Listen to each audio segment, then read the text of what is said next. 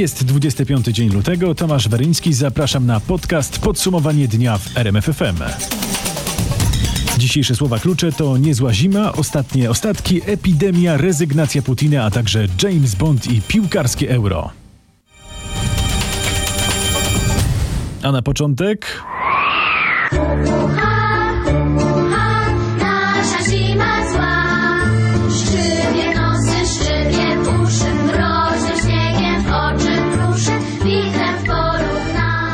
Tak śpiewaliśmy jeszcze całkiem niedawno, gdy zima faktycznie była sroga.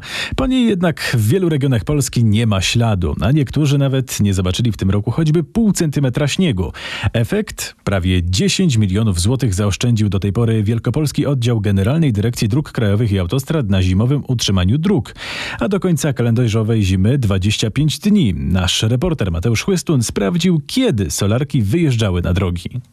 Zawsze wtedy, gdy temperatura była bliska zera. Takich sytuacji w porównaniu z ubiegłym rokiem było jednak niewiele. Dlatego zaoszczędzone 10 milionów złotych Wielkopolski Oddział Generalnej Dyrekcji Dróg Krajowych i Autostrad zamierza przeznaczyć na remonty dróg, oznakowania i bieżące ich utrzymanie. Zarząd Dróg Miejskich w Poznaniu na zimowe utrzymanie dróg ma z kolei w swoim budżecie 23 miliony złotych. 11 milionów płaci zewnętrznym firmom z góry za gotowość. Pozostałe 12 służy jako rozliczenie w przypadku wykonanej usługi. Urzędnicy szacują, że w tym roku zaoszczędzą około 10% z tej kwoty, co podobnie jak w regionie ma zostać przeznaczone na utrzymanie i sprzątanie dróg w mieście. No zatem nie taka zła ta zima, jak ją malują. Nasza zima zła No a skoro o zimie mowa, to taki dźwięk.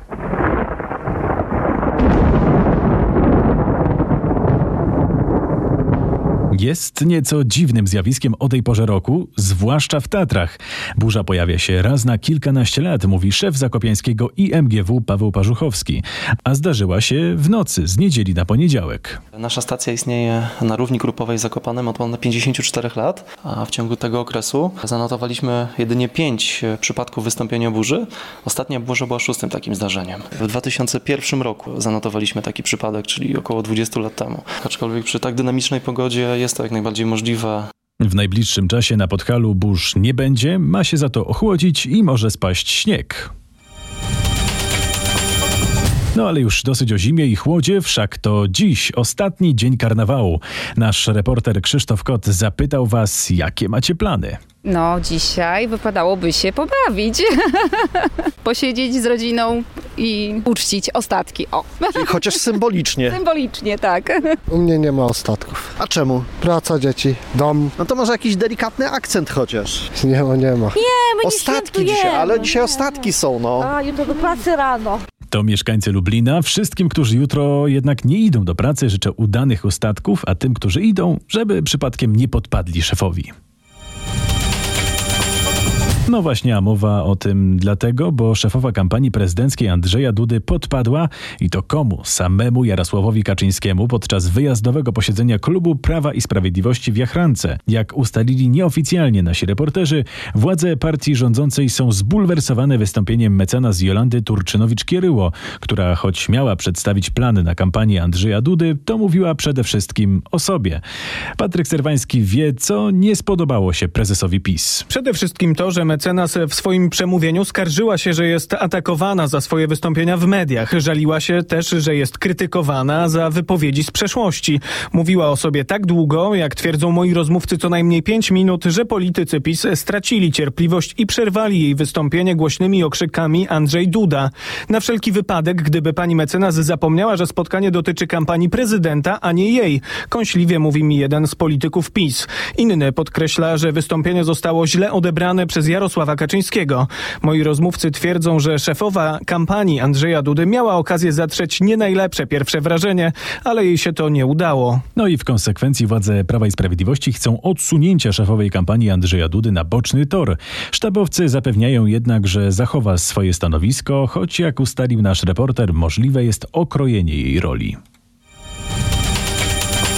A prezydent Andrzej Duda podpisał ustawę o dodatkowym rocznym świadczeniu pieniężnym dla emerytów i rencistów, czyli tak zwaną trzynastkę. W tym roku będzie to 1200 zł brutto. I wygląda na to, że to nie koniec. Minister Rodziny, Pracy i Polityki Społecznej Marlena Maląg poinformowała, że Rada Ministrów przyjęła projekt o 14 emeryturze. Ale to również nie jest kres zapowiedzi, bo na horyzoncie pojawiła się już 15. Tu cytat: Mam nadzieję, że będzie 14 emerytura, daj Boże, potem 15, aż dojdziemy do tego, że podwyższymy państwu wszystkie świadczenia emerytalne w sposób bardzo znaczący, mówił Andrzej Duda w Żyrardowie. Poza tym prezydent poinformował, że trwają obecnie prace nad dodatkowymi programami dla seniorów w zakresie ochrony zdrowia. Daj Boże. Kolejny kraj w Europie z pierwszym przypadkiem koronawirusa. Tym razem wykryto go u pacjenta w Szwajcarii. To 70-latek zbadany w Ticino, najbardziej na południe wysuniętym kantonie. Mężczyzna 10 dni temu był w Mediolanie we Włoszech. Dziś zakażenie potwierdzono już także u jednej osoby w Chorwacji i u dwóch w Austrii. Służby sanitarne potwierdziły także pierwszy przypadek w Hiszpanii kontynentalnej. Problem coraz bardziej rozwija się także we Włoszech. Tam liczba ofiar śmiertelnych wzrosła do 11. W ostatnich godzinach zmarły trzy osoby w wieku ponad 80 lat. W całym kraju stwierdzono 322 przypadki zakażenia groźnym koronawirusem. Trzy nowe odnotowano na Sycylii. W ciągu niecałej doby liczba zakażonych wzrosła o prawie 100 osób. Ekonomiczne koszty pojawienia się we Włoszech koronawirusa mogą być bardzo wysokie, przestrzega premier tego kraju Giuseppe Conte. Epicentrum występowania wirusa znajduje się na północy kraju, a więc najsilniejszej gospodarczo części Włoch. Do tej pory wykryto tam ponad 320 przypadków zakażenia. My oddajemy głos Polakom, którzy wrócili z Mediolanu. Rozmawiał z nimi na lotnisku Chopina nasz reporter Michał Dobrołowicz. Gdyby tam teraz pani była, to czym by się pani zajmowała? E, Pewnie siedziałabym w mieszkaniu i unikałabym miejsc publicznych, bo takie są właśnie wskazania, jeżeli chodzi o Mediolan. Jak długo pani była w Mediolanie? Około miesiąca i musiałam niestety wrócić ze względu na koronawirusa. Widziałam bardzo dużo osób w metrze, które miały walizki i wyjeżdżały z Mediolanu. Zakażony koronawirusem jest również irański wiceminister zdrowia Iracz Harirci, który przebywa obecnie na kwarantannie. W Iranie odnotowano dotychczas 14 zgonów z powodu koronawirusa. Prezydent Stanów Zjednoczonych Donald Trump zwrócił się do kongresu o 2,5 miliarda dolarów na walkę z koronawirusem. Nasz korespondent Paweł Żuchowski sprawdził, co zamierzają sfinansować amerykańskie władze. Pieniądze mają zostać przeznaczone m.in. na pracę nad szczepionką zwalczającą patogen. Ponad miliard dolarów. Zakupione mają zostać też środki ochrony osobistej oraz maski. Polityczni przeciwnicy Trumpa krytykują jednak działania prezydenta.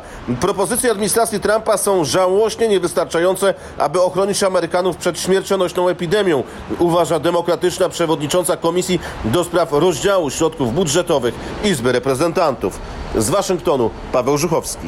A polski rząd apeluje o pilne spotkanie ministrów zdrowia Unii Europejskiej w związku z koronawirusem. Wysłany zostanie list w tej sprawie do komisarz Stelli Kyriakides. Jakie są szanse na to spotkanie i co robi obecnie Unia Europejska? Dyplomaci z Chorwacji, która przewodniczy obecnie pracą w Unii, powiedzieli mi, że obecnie nie ma planów zwołania takiego spotkania. Nadzwyczajne posiedzenie ministrów zdrowia Unii odbyło się niecałe dwa tygodnie temu. Jutro sprawą koronawirusa zajmie się kolegium komisarzy. Informuje nasza korespondentka w Brukseli Katarzyna Szymańska-Borginą.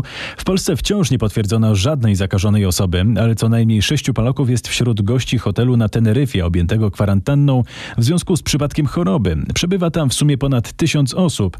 Co wiadomo o naszych rodakach? O tym Paweł Balinowski. Chodzi o tysiąc osób przebywających w jednym z tamtejszych hoteli. Zostały objęte kwarantanną, bo u jednego z gości, lekarza z Włoch, stwierdzono zarażenie koronawirusem. We Włoszech, gdzie potwierdzono najwięcej przypadków w Europie, służby postawione zostały w stan najwyższej gotowości.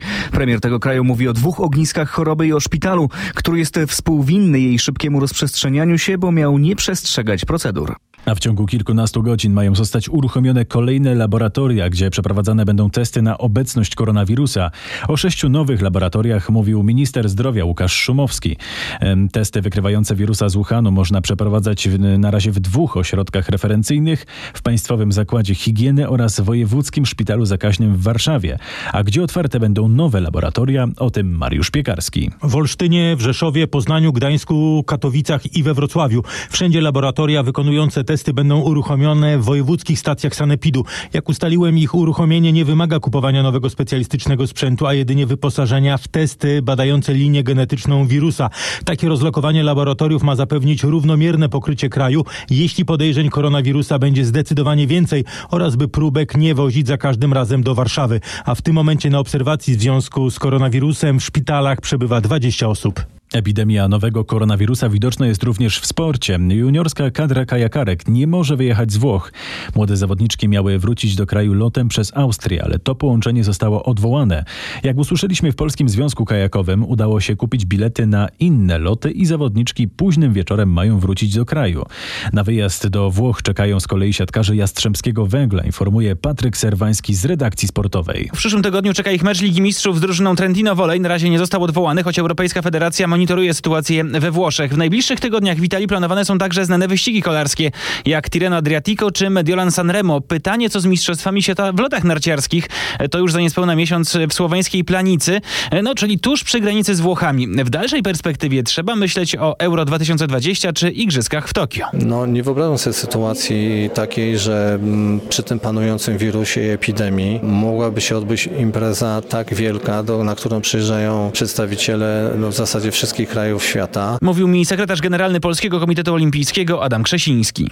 A szef amerykańskiej dyplomacji wzywa rządy do mówienia prawdy o epidemii koronawirusa. Mike Pompeo wymienia w tym kontekście Iran i Chiny. Sekretarz stanu skrytykował państwo środka za cenzurowanie informacji o epidemii. Według oficjalnych danych w Iranie zmarło 16 osób, ale jeden z deputowanych twierdzi, że tylko w jego regionie jest co najmniej 50 ofiar. Siedem osób usłyszało zarzuty w sprawie organizacji tragicznego finału Wielkiej Orkiestry Świątecznej Pomocy w Gdańsku, podczas którego zamordowany został prezydent miasta Paweł Adamowicz.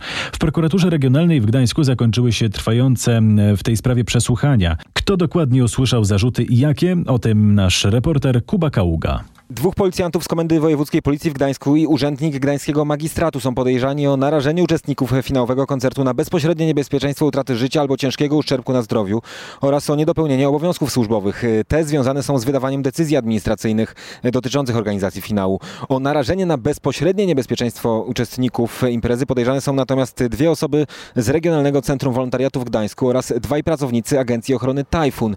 W ich przypadku prokurator wydał nakaz powstrzymania się od pracy związanej związanej z ochroną. Zarzuty przedstawiono m.in. na podstawie opinii biegłego, który uznał, że przy organizacji finału WOŚP dopuszczano się rażących uchybień. Jak potwierdziła mi rzecznik prokuratury regionalnej w Gdańsku, wśród osób podejrzanych jest też była prezes Regionalnego Centrum Wolontariatu w Gdańsku, Agnieszka B., dziś członkini sztabu wyborczego Szymona Hołowni. Zarzuty postawione Agnieszce nie zmieniają jej pracy u nas w sztabie. Jestem przekonany, że jest osobą niewinną, będzie z nami pracowała. Nie mam wątpliwości co do jej profesjonalizmu. Moje życie w każdej sytuacji powierzę w jej ręce bez chwili zawahania.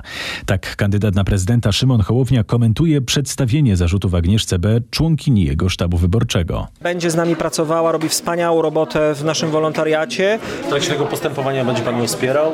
Nie wiem, pomagał jej jakoś? Nie ma tu pola do wsparcia. Ja będę ją wspierał na pewno po ludzku. Będę, wszyscy w sztabie będziemy za nią mocno trzymali kciuki, bo jesteśmy wszyscy przekonani o tym, że jest niewinna, że ma mnóstwo też olbrzymiej kompetencji, jeżeli chodzi o budowanie wspólnoty. Udowodniła to jako wieloletnia szefowa Centrum Wolontariatu w Gdańsku. Z Szymonem Hołownią rozmawiał nasz reporter Grzegorz Kwolek. Jest śledztwo w sprawie śmierci sześciu policyjnych psów w Warszawie. W piątek po południu specjalnie szkolone do rozpoznawania zapachów zwierzęta zginęły w wyniku awarii magistrali ciepłowniczej na warszawskiej Pradze Północ. Jaka jest podstawa do wszczęcia postępowania? Sprawdzał to nasz reporter Krzysztof Zasada. To artykuł kodeksu mówiący tu cytat o nieumyślnym sprowadzeniu zdarzenia zagrażającego zdrowiu lub życiu wielu osób albo mieniu w wielkich rozmiarach. Miało do tego dojść poprzez uszkodzenie rurociągu dostarczającego ciepło. Teraz śledczy ustalają, jak doszło do awarii. Szczegółowo ma zostać zbadane miejsce uszkodzenia ciepłociągu. Zabezpieczona zostanie dokumentacja firmy, która odpowiada za sieć ciepłowniczą w Warszawie. Śledczy czekają też na wycenę materialnych strat policji w związku ze śmiercią psów. Razem z kosztami szkoleń może to być, jak usłyszałem, nawet kilkadziesiąt tysięcy złotych za jedno zwierzę. Sekcja zwłok ma być przeprowadzona w Instytucie Weterynarii Szkoły Głównej Gospodarstwa Wiejskiego. Są pieniądze dla najmniej zarabiających pracowników Szpitala Wojewódzkiego w Rybniku. To efekt rozmów przedstawicieli związków zawodowych, dyrekcji placówki oraz marszałka województwa. Ale pełnego porozumienia kończącego spór dotyczący podwyżek nadal nie udało się podpisać. W jakiej sprawie już jest, a w jakiej ciągle nie ma porozumienia między wami? To, co zostało powiedziane w kwestii 1 800 dla pracowników nieobjętych e, podwyżkami systemowymi, tu mamy jakby sprawę jasną i w ramach wspólnej reprezentacji e, tutaj mamy też jasną i klarowną sytuację. Natomiast jeżeli chodzi o wzrost wynagrodzenia e, pielęgniarek i położnych, tutaj trwa jeszcze dyskusja. Z Wiesławą Frankowską, szefową Związku Zawodowego Pracowników Bloku Operacyjnego Anestezjologii i Intensywnej Terapii rozmawiał Marcin Buczek. Rozmowy dotyczące podwyżek dla pielęgniarek mają trwać do końca tygodnia. Jeśli wszystko pójdzie zgodnie z planem, w poniedziałek może być podpisane porozumienie kończące spór płacowy w Rybnickim Szpitalu. Zmieniamy temat. Teraz coś dla fanów Jamesa Bonda oraz dla tych, którzy nie wiedzą, co robić na przykład po maturze. Brytyjski wywiad MI6 obniżył wiek rekrutacyjny. O pracę w służbach mogą starać się osoby, które ukończyły 18 lat. Chodzi o zainteresowanie pracą najbardziej utalentowanych młodych ludzi, szczególnie tych, którzy doskonale orientują się w informatyce, znają specyfikę funkcjonowania internetu i serwisów społecznościowych. Dotychczas tylko osoby, które ukończyły 21 lat, mogły ubiegać się o pracę w wywiadzie. Teraz wystarczy skończyć szkołę średnią, by spełniać wymagane warunki. Służbom MI6 szczególnie zależy na rekrutacji ludzi z mniejszości etnicznych i kulturowych.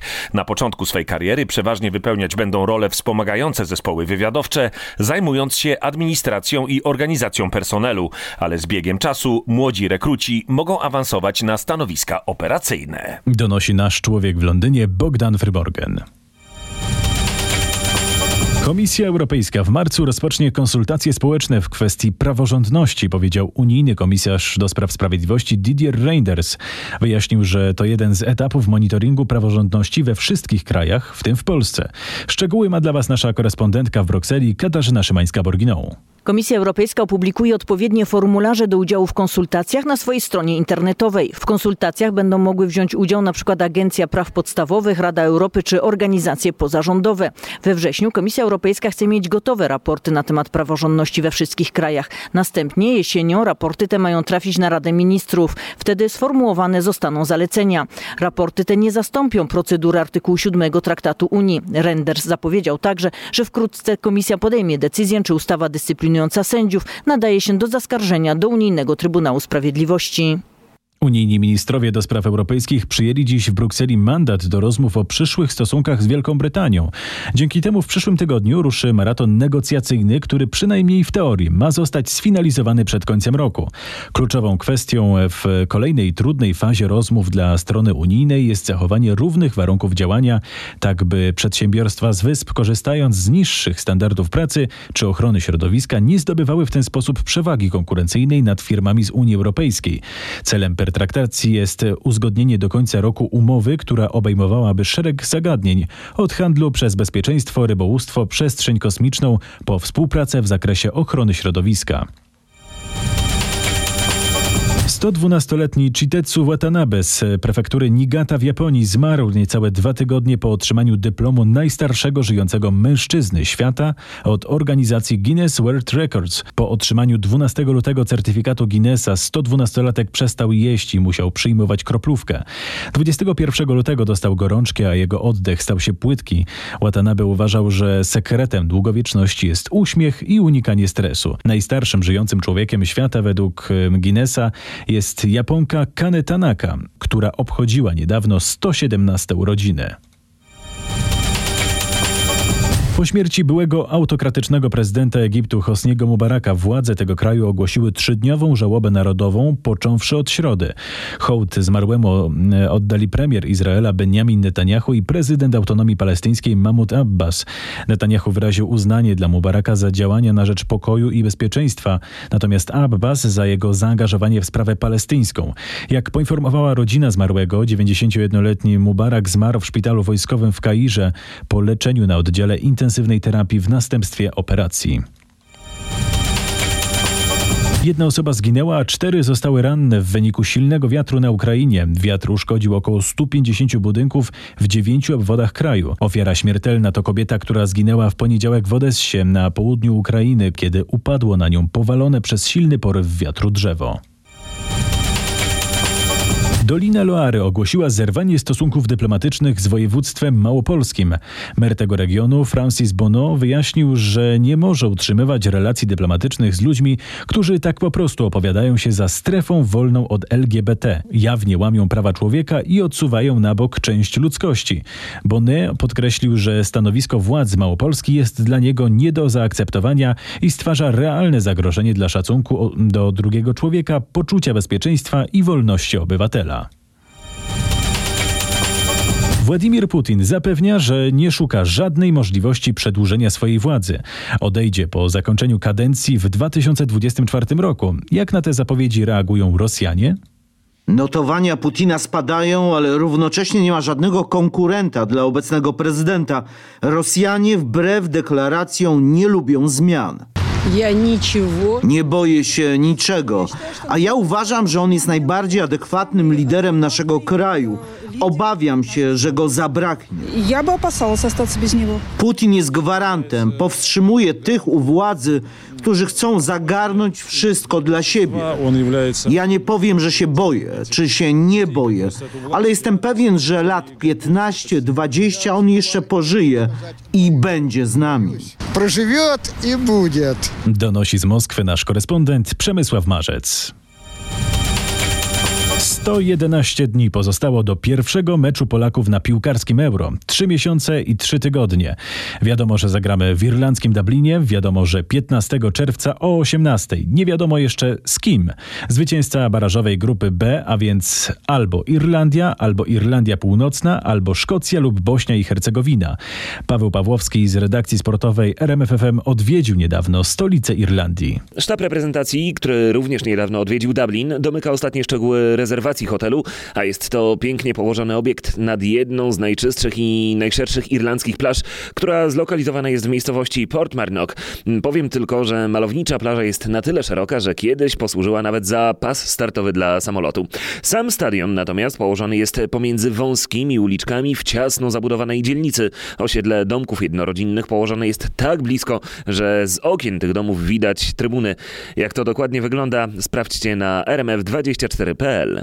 Polecam materiały wideo Pawła. Na naszej stronie możecie zobaczyć, z jakich uroków plaży korzystać będzie polska kadra w Port Marnock oraz jak wygląda Dublin Arena. To wszystko na dziś. Ja nazywam się Tomasz Weryński i zapraszam jutro na kolejny podcast Podsumowanie dnia w RMFFM. Do usłyszenia.